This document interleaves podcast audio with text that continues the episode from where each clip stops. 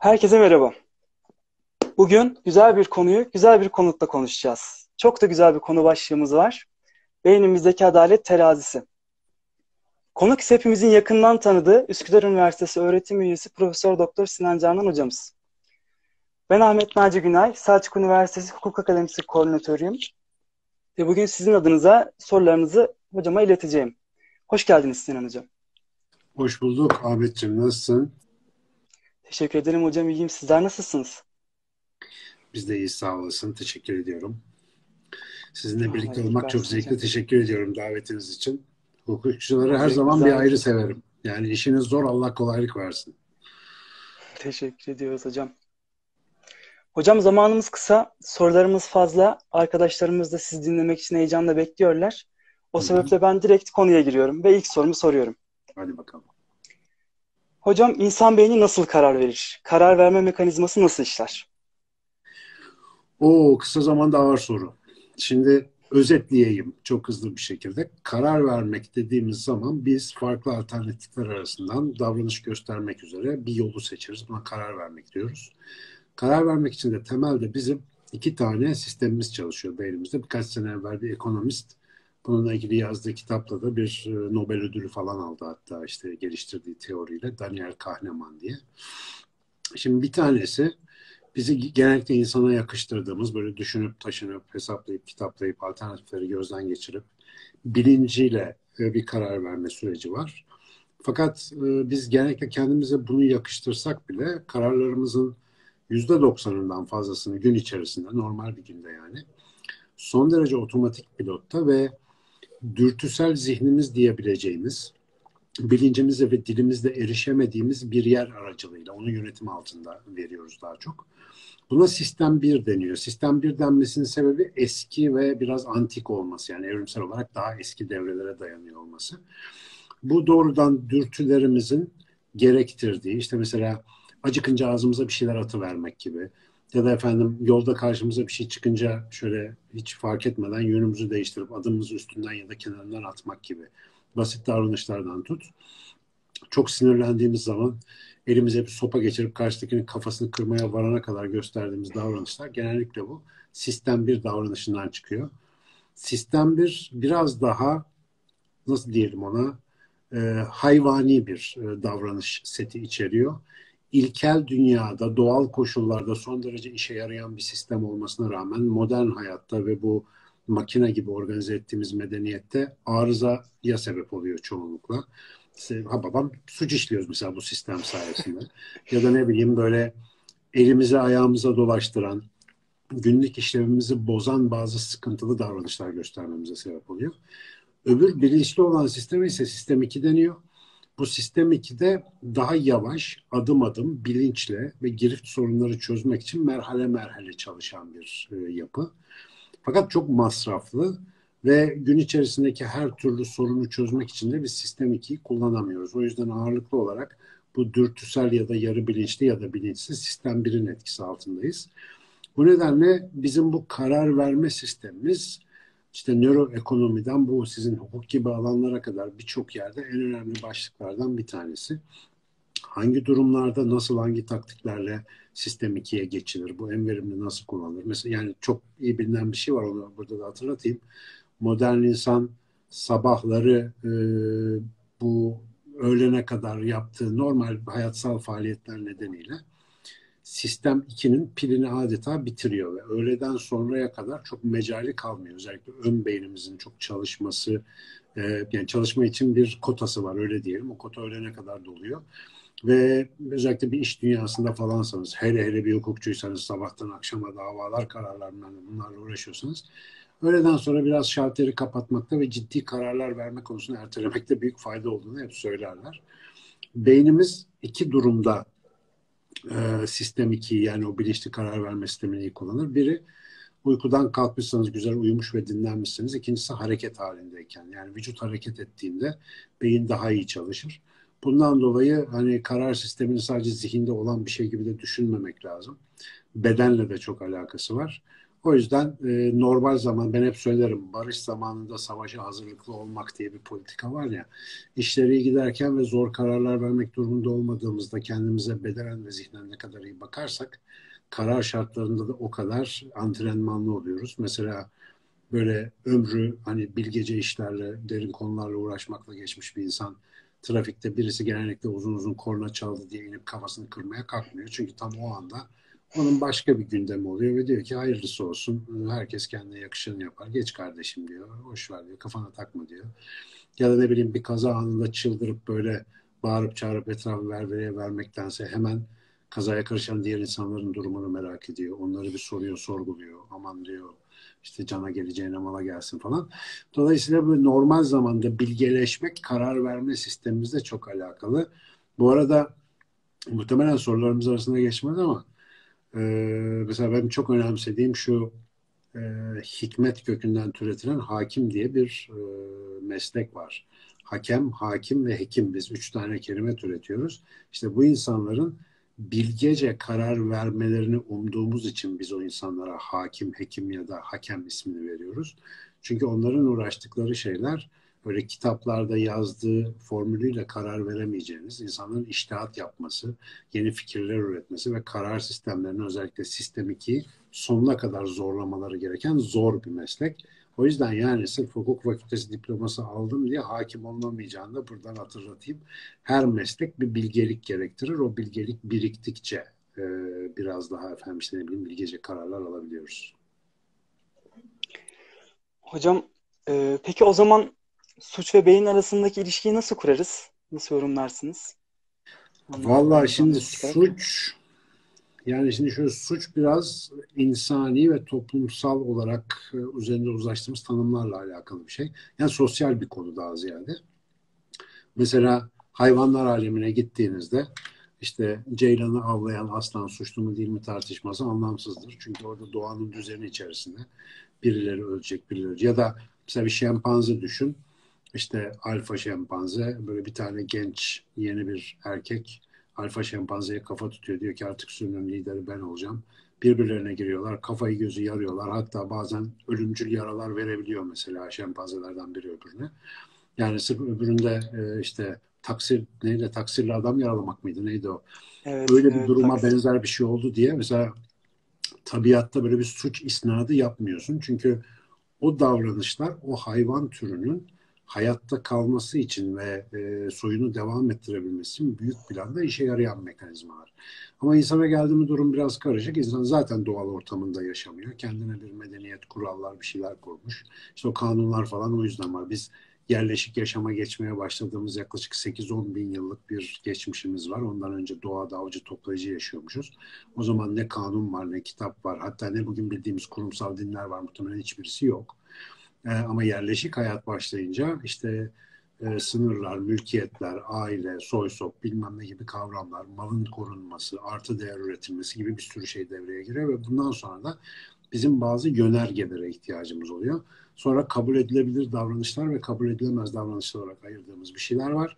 Neticede suç, ceza, kanun bilmem ne bunlar insanın ürettiği şeyler. Bizim kendi medeniyetimiz içerisinde mecburen ürettiğimiz kavramlar.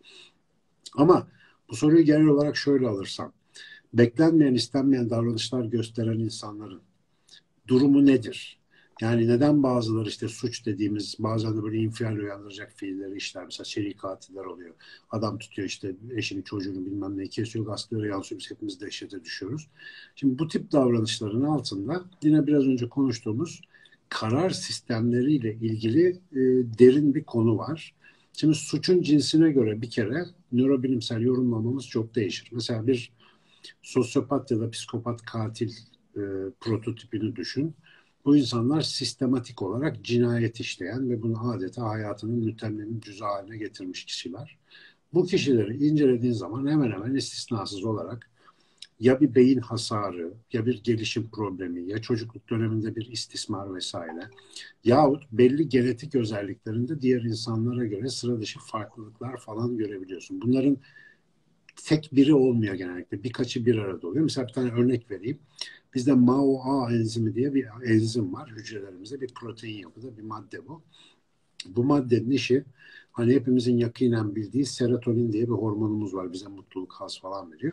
Serotonin hormonunun salgılandıktan sonra parçalanmasını sağlıyor. Bu serotoninin işini görebilmesi için önemli bir e, maddedir ve hepimizde var ama bazı insanlarda bu enzimin az çalışan bir versiyonu oluyor. MAO-A diye bir tipi var. Bunun az çalışan bir haliyle doğuyor bazı insanlar.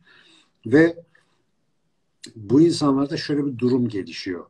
Erken dönemlerde anne karnında ve gelişim sırasında bebeklik döneminde beyin bu enzimin az çalışmasından dolayı çok fazla serotonin etkisine maruz kaldığı için serotonine karşı bir soğukluk geliştiriyor. Yani serotonini algılama yeteneğini düşürüyor.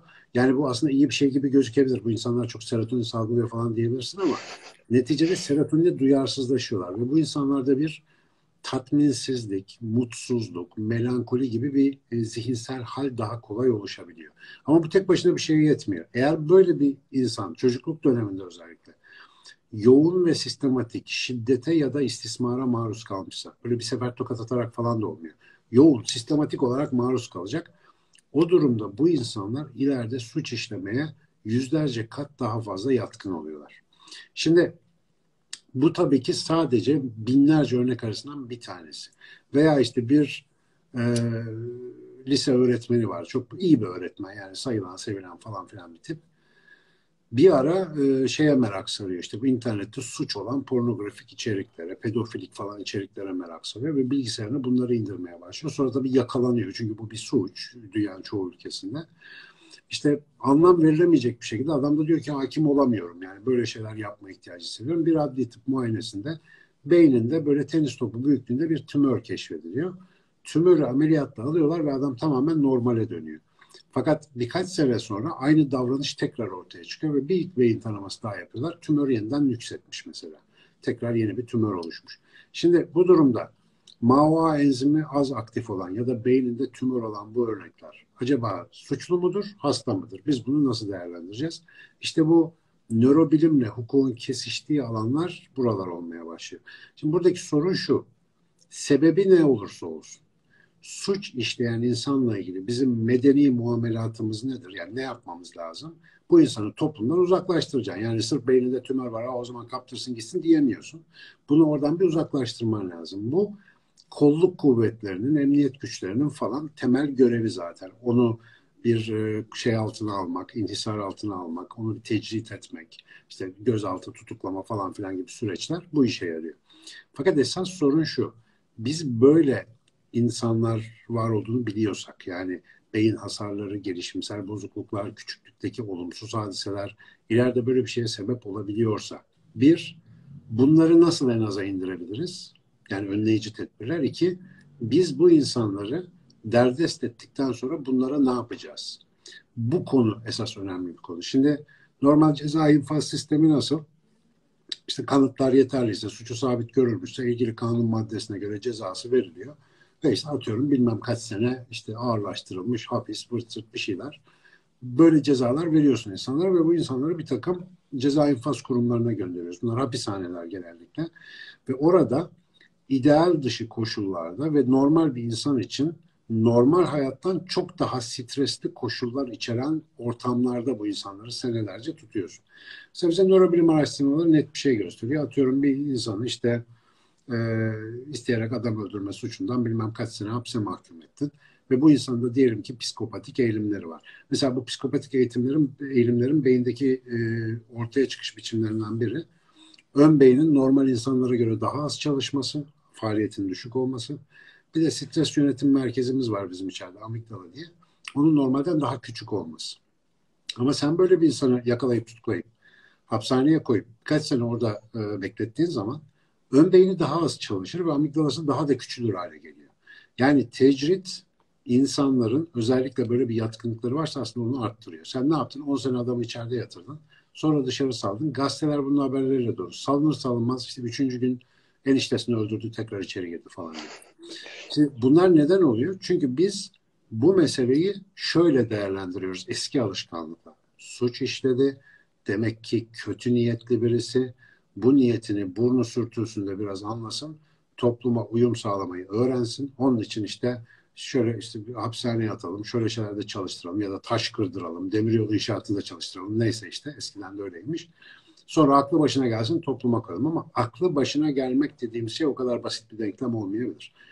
Ve önleme kısmına gelince mesela biz sağlıkta da yani tıp alanında da bunda çok eksiyiz.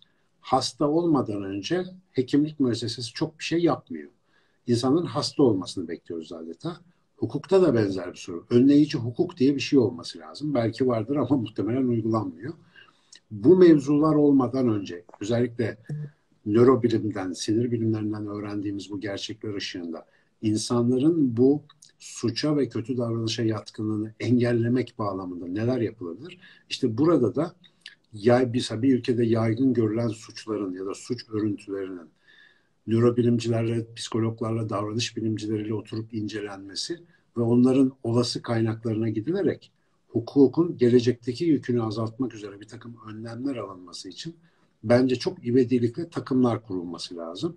İşte bu takımların yapacağı çalışmalar belki bugünkü suça ya da suçluya doğrudan bir fayda vermiyor gibi gözükebilir ama yakın bir gelecekte bizim yani şu anda biliyorsun dünyanın en büyük sorunu özellikle büyük şehirlerin olduğu gelişmiş ülkelerde hapishanelerin dolup taşıyor olması. Yani nüfusları İslam hadlerinin çok üzerinde ve bu ceza infaz sisteminde bir yetersizlik bizim suçla ilişkimiz konusunda bir başarısızlık olduğunu da gösteriyor. Umuyorum sizler gibi genç arkadaşlar ileride yani ben e, işte Cem Karaca'nın şarkısındaki gibi hukukçuyum, hukukçu kalacağım türküsünü bir kenara bırakıp farklı alanların nasıl yardımcı olabileceğine dair multi, cross hatta transdisipliner bakışlar geliştirip biraz cesaretle bu konuları ele alırlarsa çok güzel şeyler çıkacak. Bu arada dünyada bu konuda çalışan çok insan da var. Ama tabii zor ve netameli bir konu. Çalışmak isteyecekleri şimdiden uyarayım. Geleneklere ve alışkanlıklara çok kötü çarpacaksınız. Mesela ben şu anda işte kullandığım bir nöroterapi tekniğini bir dönem hapishanelerde işte bir test çalışmaları kapsamında falan denemek istemiştim. Türkiye'de e, hapishanede çalışma yapmak için izin almanın cennete girmekten daha zor olduğunu öğrendim. Dolayısıyla vazgeçtim öyle bir şey yapmaktan. Yani çünkü o kadar çok bariyerler var ki bürokratik, işte geleneksel, alışkanlıklara dayalı. Bunları aşabilmek kolay değil. O yüzden bayağı cesaret istiyor böyle alanlara girmek. Tabii zaman değiştikçe bunlar da değişip kolaylaşacak ama ilk başlarda bu konuları çalışacak arkadaşların marjinal zorluklar yaşayacağını e, rahatlıkla söyleyebilirim. Yani. Hocam ben de esasında nöro hukuk konusuna gelecektim. Tam olarak işte gelişmeler nasıldır, neler olmuştur tarzında. Ama e, gerçekten ilgi çekici bir konu. Umarım arkadaşlar da. Bu arada nöro hukuk demişken yani nöro hukuku aslında bir tarif etmek lazım. Şimdi bizim bu içinde yaşadığımız dönem 2010'lardan beri falan her şeyin başına bir nöro geliyor. Şimdi evet. bu biraz da böyle popülerize etmek ya da ne bileyim açık böyle medyatik yapmak gibi bir çaba gibi de gözüküyor ama bunun sebebini önce iyi anlamak lazım diye düşünüyorum. Mesela nöro pazarlama, işte nöro finans, nöro ekonomi, e, nöroergonomi, aklına ne gelirse bir sürü alan türedi böyle. E, bunların ilki zaten nöropsikolojiydi mesela. Hatta şimdi psikoloji dünyanın birçok yerinde nöropsikolojiye dönüştü zaten. Çünkü beyin ve davranış ilişkisi artık konuşuyoruz hep. Niye bu kadar her şeyin başına nöro geliyor? Hatta nöro içecekler var. Allah seni inandırsın yani. Bir de ticari zeka da var ya işin arkasında. Adam nöro içecek falan hazırlamış. Şimdi nörobilim öyle bir bilim alanı ki insan davranışına dair neden bahsedersen bahset, gelip gelip nörobilimin bir bulgusuna dayanıyorsun ve bizim günlük hayatımızda uğraştığımız hiçbir şey yok ki insan faaliyetiyle ilgili olmasın. Yani astronomi konuşuyorsan bile o da bile bir insan faaliyeti anlatabildim mi? Dolayısıyla insan davranışları, insan algıları, insan gözlem yeteneği, insanın akıl yürütmesi, insanın duyguları, heyecanları falan filan gelişimi Bunların hepsi insanla ilgili her faaliyette doğrudan alakalı. Bu açıdan baktığında nörobilim aslında ne bileyim ticaret hukuku gibi bir uzmanlık alanı değil artık. Nörobilim bir çatı bilim. Diğer bütün bilimlerin altında belli amaçlarla arada bir de olsa toplandığı ve nörobilimin bulgularıyla kendi uygulama ya da icraat biçimlerini daha iyi hale getirebilecekleri bir bilgi kaynağına dönüştü nörobilim. O yüzden Mesela nöroarkeoloji var. Ya arkeoloji ne abi? Kazıp kazıp çıkarıyorsun işte. Ne olacak? nörobilimin özellikle evrimsel nörobilimin insan zihni gelişimi, beyin gelişimi konusunda söyledikleri ve bunun kültürel antropolojideki karşılıkları üzerinden arkeolojiye başka bir açıdan bakma şansın oluyor. Yani bulduğun buluntu, oradaki insanın üretim, yaratım bilmem ne biçimleri hakkında söyleyecek yeni şeylerin oluyor. Buraya kadar varan bir nörolaşma var. Buna nöromanya da diyorlar şimdi yani. Manyak gibi her şeyin başına nöro koyuyoruz diye. Halbuki bu kaçınılmaz bir şey. Mesela ben şimdi e, işte açık beyin olarak bir e, uygulamalı nörobilim okulu diye bir şey başlattık. Bizim Üsküdar Üniversitesi mesela Türkiye'de ilk işte nöro pazarlama master programını açan yer oldu.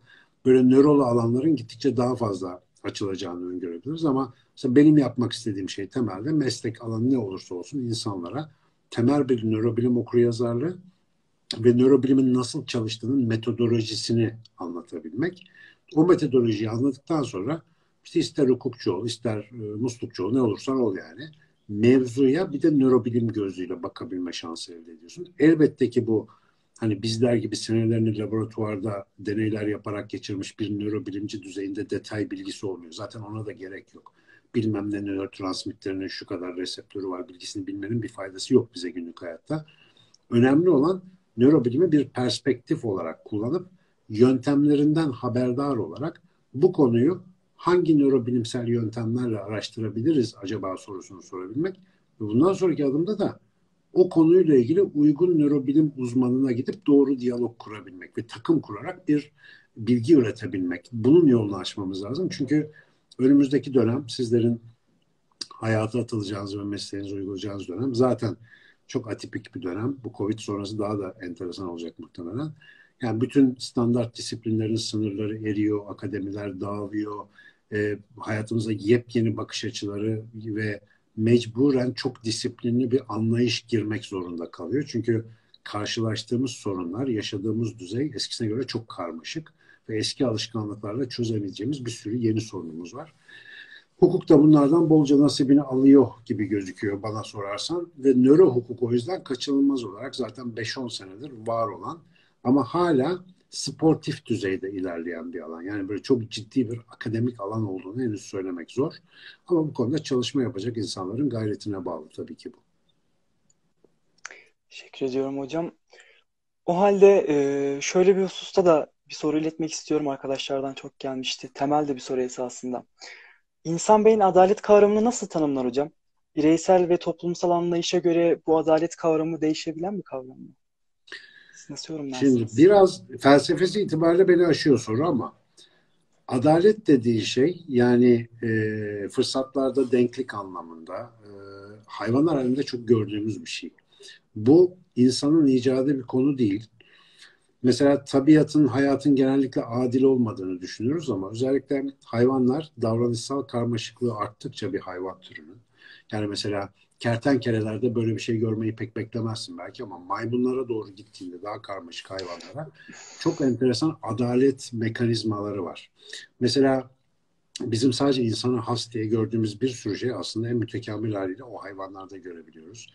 Temel ahlak kuralları diyebileceğimiz bir şeyler hayvanlarda kesinlikle var. Yani tabiatın içerisinde resmen kendi kendine organize eden bir sistem var ve sosyal canlıların zaten işte ne bileyim maymunlar gibi, kurtlar gibi, hatta arılar gibi sosyal halde yaşayan canlıların böyle düzenleyici kurallar olmadan varlıklarını sürdürebileceklerini düşünmek pek mümkün değil. Mesela adalet duygusu da bunlardan bir tanesi. E, bu meşhur primat araştırmacısı Frans de Waal'ın e, yaptığı çok güzel bir deney var. Videoları da internette geziyor. İşte iki tane maymuna yan yana e, ve şeffaf kafeslerde işte bir kutu taş veriyorsun, küçük taşlar hayvan pencereden bir taşı uzattığında sen ona küçük bir salatalık parçası veriyorsun ödül olarak. İki maymuna aynı anda bunu yapıyorsun. İkisi de gayet güzel eğleniyor. Sonra maymunların her ikisi de yine taşları veriyorlar. Maymunun birine salatalık parçası verirken öbürüne üzüm veriyorsun. Şimdi üzüm tatlı olduğu için daha büyük bir ödül ve yandaki salatalık alan maymun da bunu görüyor. Önce bakıyor bir dakika lan ne oluyor diyor. Sonra ikinci bir taşı daha veriyorlar. Yine bu salatalık öbürü muzu alın, şeyi alınca üzümü salatalık alan arıza çıkarmaya başlıyor. Camlara mamlara vuruyor. Ne yapıyorsunuz falan filan diyor ve denklik istiyor. İşte aynı göreve karşı eşit ücret mesela değil mi? Aynı işe eşit ücret. Bizde de Çok savunulan bir şey değil mi? Evet. Hayvanlar aleminde doğrudan karşımıza çıkan ve öğretilmesi gerekmeyen bir davranış. Şimdi öte yandan gel mesela işte Hazreti Ali'ye atfedilen söz muhtemelen Nehcül Belaga'daydı herhalde. Yani bir toplumda her şey çökse, adalet sağlam kalsa toplum devam eder. Bir toplumda her şey sağlam dursa, adalet çökse toplum da çöker diye. Çok veciz bir sözü var. adalet e, insan toplulukları açısından da olmazsa olmaz mı mesela. Ama adalet dağılmaya başlıyor. Mesela insan topluluğuna özgü bir şey bu. Biz adaleti yitirebiliyoruz. Mesela tarafkirlik yapabiliyoruz. Birilerini kayırabiliyoruz adalet bazında yozlaşmalar sıklıkla gündemimizi işgal eden bir şey. İşin garibi bunu sadece insan yapabiliyor. Mesela maymunlarda böyle bir şey görmem mümkün değil. Çünkü öyle bir içsel mekanizma oturmuş ki orada. İstiyorsan adaletsizlik yap. Kafanı taşla ezip seni öldürürler yani. Sonuçta cezası hemen kesilir. Ama insan topluluklarında özellikle kötü niyetli odaklar gücü ele geçirdiklerinde adaleti de berhava edebiliyorlar. Bundan dolayı adalet diğer bütün yüksek bizim hani ahlaki değerler ya da büyük değerler olarak bildiğimiz hemen her şey gibi kökenini tabiattan alır, insan tarafından sıklıkla unutulur. İnsan da böyle şeylerin hatırlatılmasına ihtiyaç duyan tek canlıdır.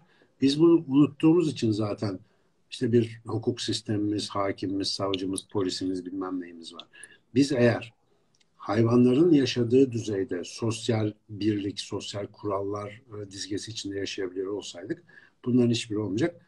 Beşer şaşar diye boşuna dememişler. Biz fıtratımızdan, doğal ayarımızdan sıklıkla sapabilen bir tür olduğumuz için başımızda beladan kurtulmuyor. Evet hocam. O halde e, ceza kanunumuzda bildiğimiz üzere nefret suçları başlığı altında pek çok suç mevcut. E, bu suçlardan yola çıkarak nefret kavramının insan beyninde nasıl bir yer tuttuğunu e, nasıl açıklarız? Nasıl açıklarsınız?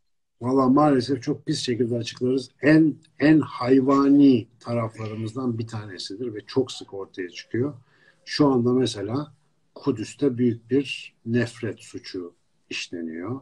İsrail e, yapısal gaddarlığını devam ettiriyor. İşte her sene özellikle de böyle netameli dönemlerde yaptığı gibi yine Mescid-i Aksa'yı basıyor, ibadet edenleri işte taciz ediyor bilmem ne. Yani bu insanın bu tip nefret konusu, nefret durumları söz konusu olduğunda ne kadar gaddarlaşacağını gösteren çok sarı örneklerden bir tanesi. Bütün hayvanlarda yabancıya reaksiyon gösterme, yabancıdan çekinme gibi bir güdü vardır.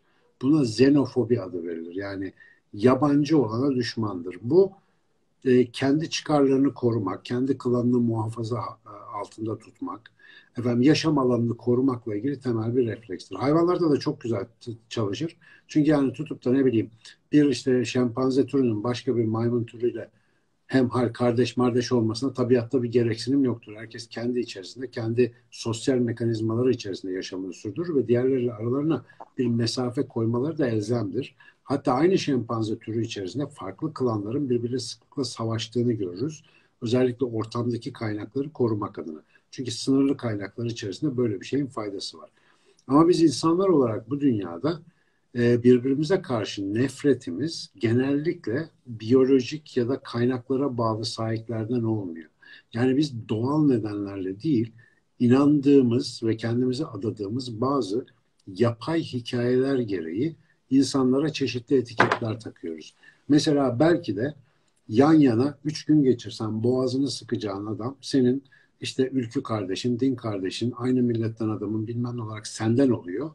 Ama belki de dünyanın öbür köşesinde bir masum ve belki de seninle çok iyi anlaşabilecek, ruhsal olarak sana çok uygun bir insan, sırf başka bir coğrafyadan, başka bir inançtan, başka bir kıyafetten, başka bir bilmem neden olduğu için öteki olabiliyor. Ve sen bu ortak hikayenin etkisiyle tamamen sanal dayanaklar yüzünden bir başka insandan nefret edebiliyorsun. Ve bu nefret toplu halde olduğunda özellikle dünya üzerindeki en yıkıcı gücü oluşturuyor. Dünya üzerinde başka diğer canlılar da dahil, dinozorlar da dahil bu kadar yık, yıkıcı başka hiçbir güç yok. Çünkü milyonlarca insan böyle hikayelerin içerisinde bir araya girip milyonlarca insanı öldürüyor. İkinci Dünya Savaşı'nda Yahudileri işte o şey odalarında katletme hikayelerini hep dinliyoruz. Ee, işte Auschwitz'te bulunanlarda, gaz odalarında. Orada çalışan bir sürü Alman mesela hekim falan var, bilim insanı var oralarda. Gidip böyle bunlar gaz odasında boğulurken not tutuyorlar falan. Sanki hayvan belgeseli izler gibi izliyorlar o durumları. E bu iyi insanlar. Yani normalde bunlar mahkemelerde falan son derece iyi insanlar. Aile babası bilmem ne hatta yardımsever falan insanlar ama orada büyük bir katliamın uygulayıcıları oluyorlar. Bu nasıl gerçekleşiyor bu dönüşüm? Öyle büyük bir hikaye var ve o kadar yoğun propaganda altında işleniyor ki insanlara bizim davranışlarımızı kendimizin bile fark etmeyeceği bir tarafa doğru dönüştürebiliyor. Bu her bir hikaye grubunun içindeki insan için geçerli. Nefret suçlarıyla ilgili veya insana dair her türlü diğer zayıflıklarla ilgili ben hep şöyle bir şey öneririm.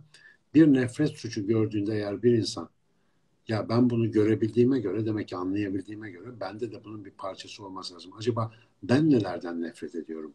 Benim hangi temelsiz hikayelerden kaynaklı e, altı boş nefretlerim var sorusunu sormaya başladığında kesinlikle daha iyi bir insan olma yoluna gidiyor. İnsanın en önemli zaafı olduğunu ve bu zaafın neredeyse tarihimiz boyunca her an sürekli güç sahipleri tarafından istismar edilmekte olduğunu unutmayalım yeter. Devamlı ve devamlı her birimiz internette bir şeyi beğenirken ya da beğenmezken durumları da dahil olmak üzere nefretle ve hikayelerle yönlendiriliyoruz. O hikayeler olmasa da dünyada ne düşmanımız kalır ne de tanımadığımız dostlarımız kalır. Gerçek dostlarımız tanıdığımız insanlar olur. Çünkü onlarla gerçek bir yaşam hikayesini paylaşıyoruz ama öbür taraftan o büyük hikayeler birleştirici olmak anlamında evet milyonlarca insanı birleştiriyor ama maalesef bu büyük birleştirici hikayelerin büyük çoğunluğu o insanları milyonlarca ötekinin karşısında birleştiriyor. Ve işte bu nefreti doğuran en önemli anlatı oluyor. Maalesef e, insanın temel yaşamsal ihtiyaçlarından birisi buymuş gibi gözüküyor. Yani kalabalıkların işlev görebilmesi için bir amaca olduğu kadar bir düşmana da ihtiyaçları var gibi. Maalesef bu primat böyle çalışıyor. Yapacak bir şey yok. Ama bireysel düzlemde hele hele ki bilge karar verici düzlemlerinde yani mesela hekim hastaya bakarken dini dili ırkı olmaz biliyorsun. Hakim renk körü olmalıdır değil mi? Yani hiçbir şeye bakmamalıdır falan. Ee, hakem de mesela yabancı oyuncu mu yerli oyuncu mu diye bakmadan pozisyona göre karar vermesi. Yani hikmetle karar vermesi gereken insanların bunu aşmış bir bilgeliğe sahip olması şarttır. Aksi takdirde hayvandan daha aşağı rezillikleri o yüzden sadece insan üretebilir. Hiçbir hayvan türü nefret suçu nedeniyle kendi türünün varlığını tehlikeye sokmaz. Bunu bir tek insan yapar. Biz hayvanlarda var olan bütün özelliklerin aşırı abartılmış halleriyle donatılmış canlılarız. Böyle düşünelim. Ve bunlar kontrol edilmediği takdirde devamlı e, iyisi ve hayırlısı hatırlatılmadığı sürece hem kişisel olarak hem toplumsal olarak bizim için çok yıkıcı e, sonuçlara gebe. O yüzden bu soru ve bu sorunun termikleri çok önemli. Bu kısıtlı vaktimizde sadece bir merhaba yapabildim bu soruya ama bana sorarsan insanların kanseri tanımadığı insanlardan nefret duygusudur yani. Hocam. Hocam peki o zaman e, suç işlemek bir dürtü müdür yahut davranış mıdır? İnsanda dürtü ve davranış ayrımını yapabileceğimiz kitabi bir kaynak yok. Bir kısım diyor ki insanda dürtü diye bir şey yoktur diyor mesela. İnsandaki her şey davranıştır. Bir kısım diyor ki davranış ne? Hepsi bunların dürtüdür falan diye. Mesela özgür iradenin olmadığını savunan çok kuvvetli damarlar var. Ya bunlar arasında genel geçer bir cevabı yok ama ben kendi baktığım açıdan söyleyeyim. Bir evrimsel nörobilim meraklısı olarak şu anda buradaki konuşmada e, serdettiğimiz cümleler dahil olmak üzere bunların çok büyük bir kısmı dürtüsel zihnimizden dürtüler olarak e, zuhur ediyor. Fakat biz onları aklımızla, kültürümüzle, insafımızla, işte entelektüel kapasitemizle neyse bir şekle sokup dünyaya öyle veriyoruz. Mesela iki insanın aynı şeye aynı düzeyde sinirlendiğini düşün. Bir tanesi günde 50 kelimeyle konuşuyor sadece. Ne yapıyor sinirlendiği şeye karşı? Küfür edip rahat diyor. Çünkü başka söyleyebileceği bir şey yok. Öbürü günde 2000 kelimeyle yaşıyor. Daha yoğun kelimelerle ilgisi var. o sinirlendiği şeye karşı düşünüp taşınıp öyle bir cümle ediyor ki bu sefer öbürleri açısından ortalık karışıyor. Yani ona çok bir şey olmuyor ama bir anda ortalığı darmadağın edebiliyor.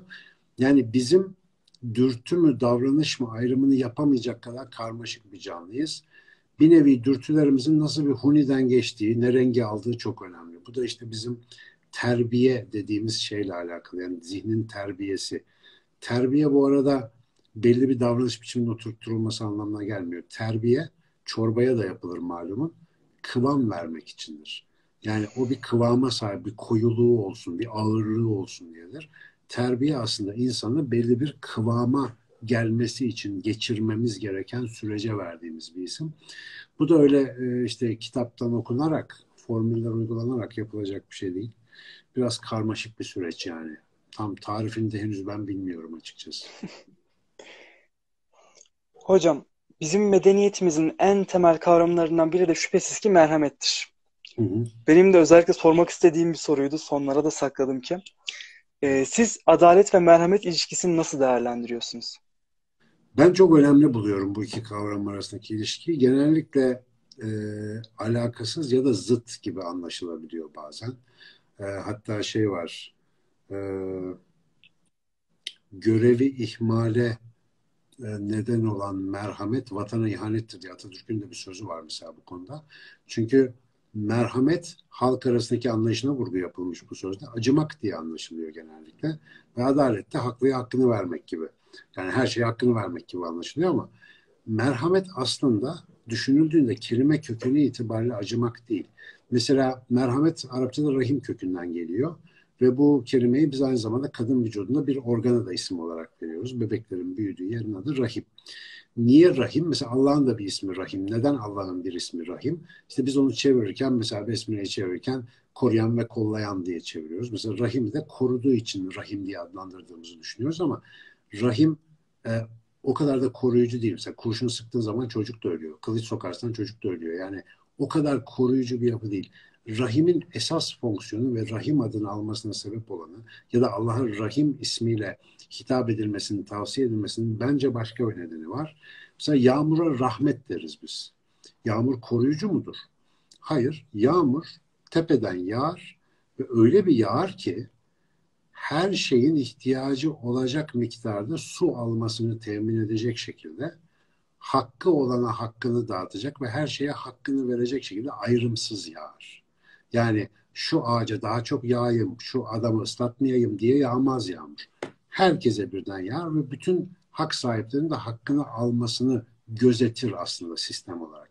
Dolayısıyla merhamet aslında hakkını vermek demektir. Rahim bebeğe hakkını verir.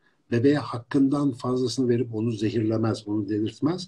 Bu yüzden onu kollar. Ne kadar işte anne kanından hangi malzeme lazımsa plasentadan onu süzer de öyle verir. O çocuğu ihtimamla 9 ay boyunca büyütmek için bunu yapması zorunludur.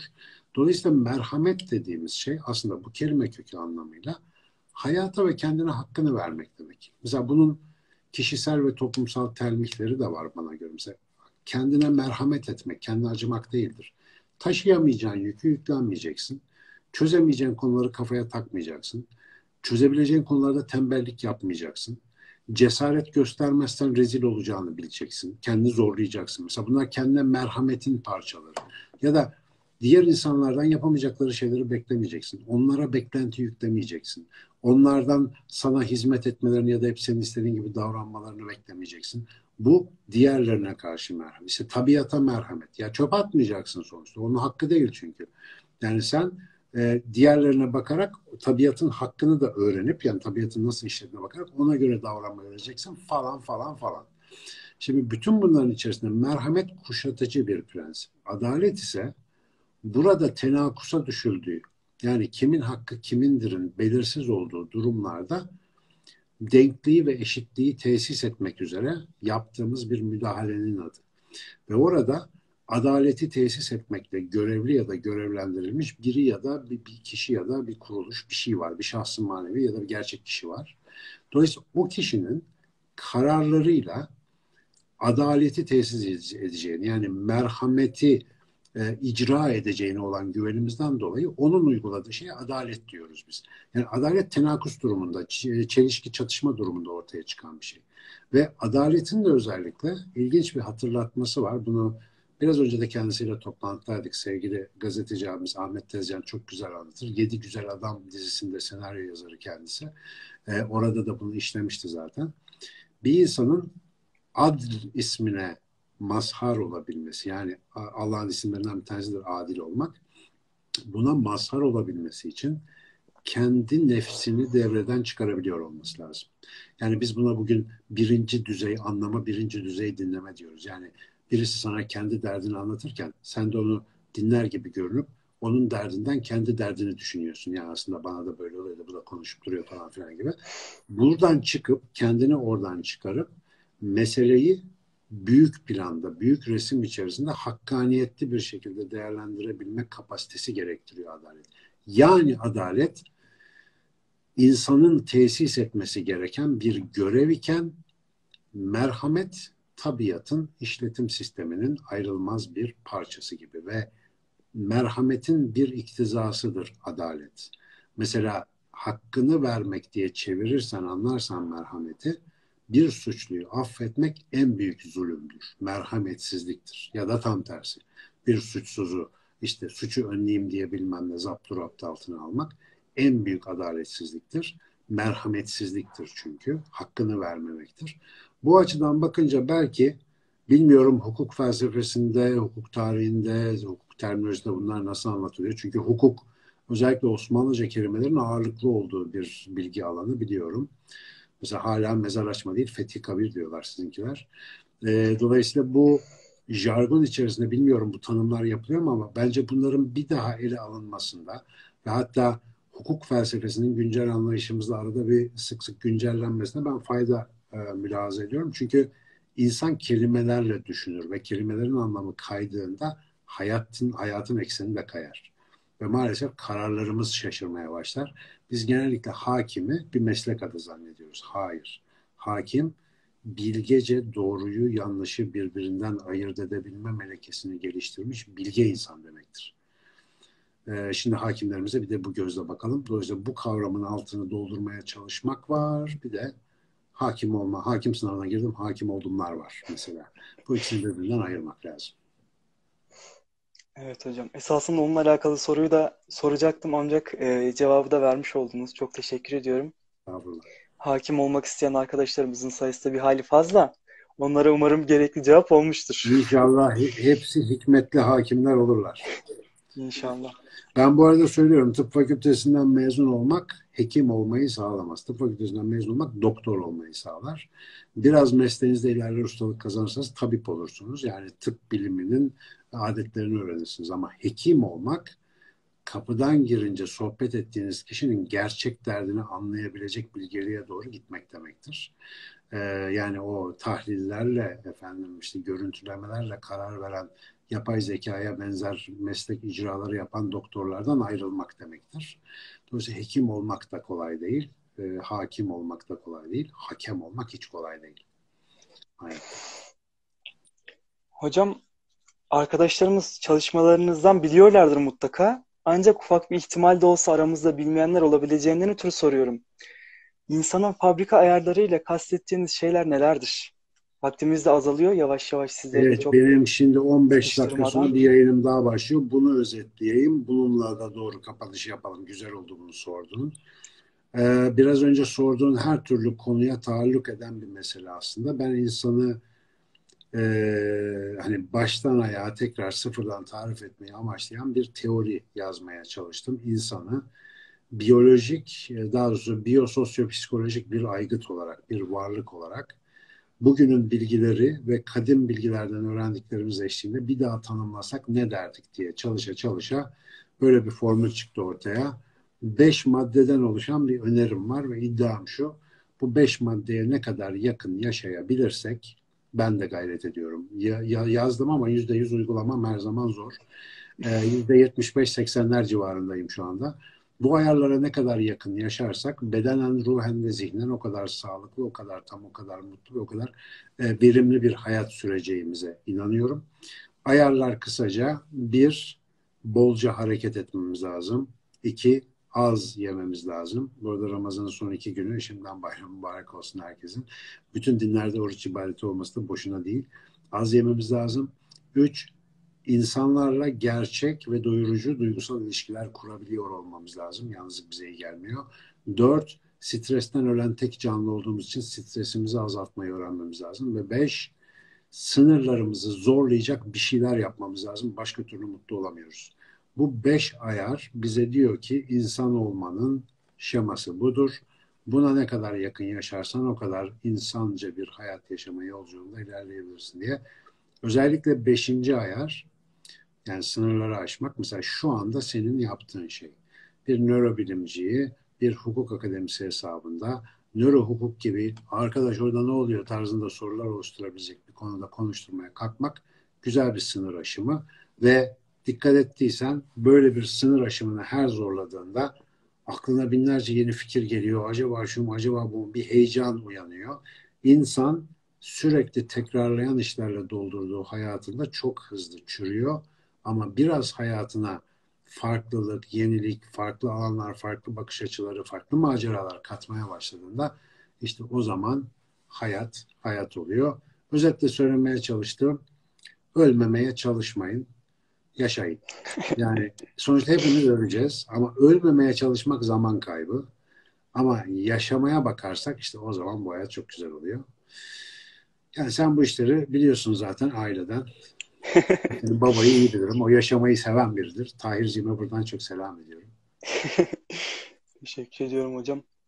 Hocam ben çok keyif aldım yayında. Umarım katılan arkadaşlarımız da beğenmişlerdir. Ben de hem seni görmekten büyük keyif aldım e, hem de burada olmaktan inşallah faydalı olmuştur muhabbetimiz.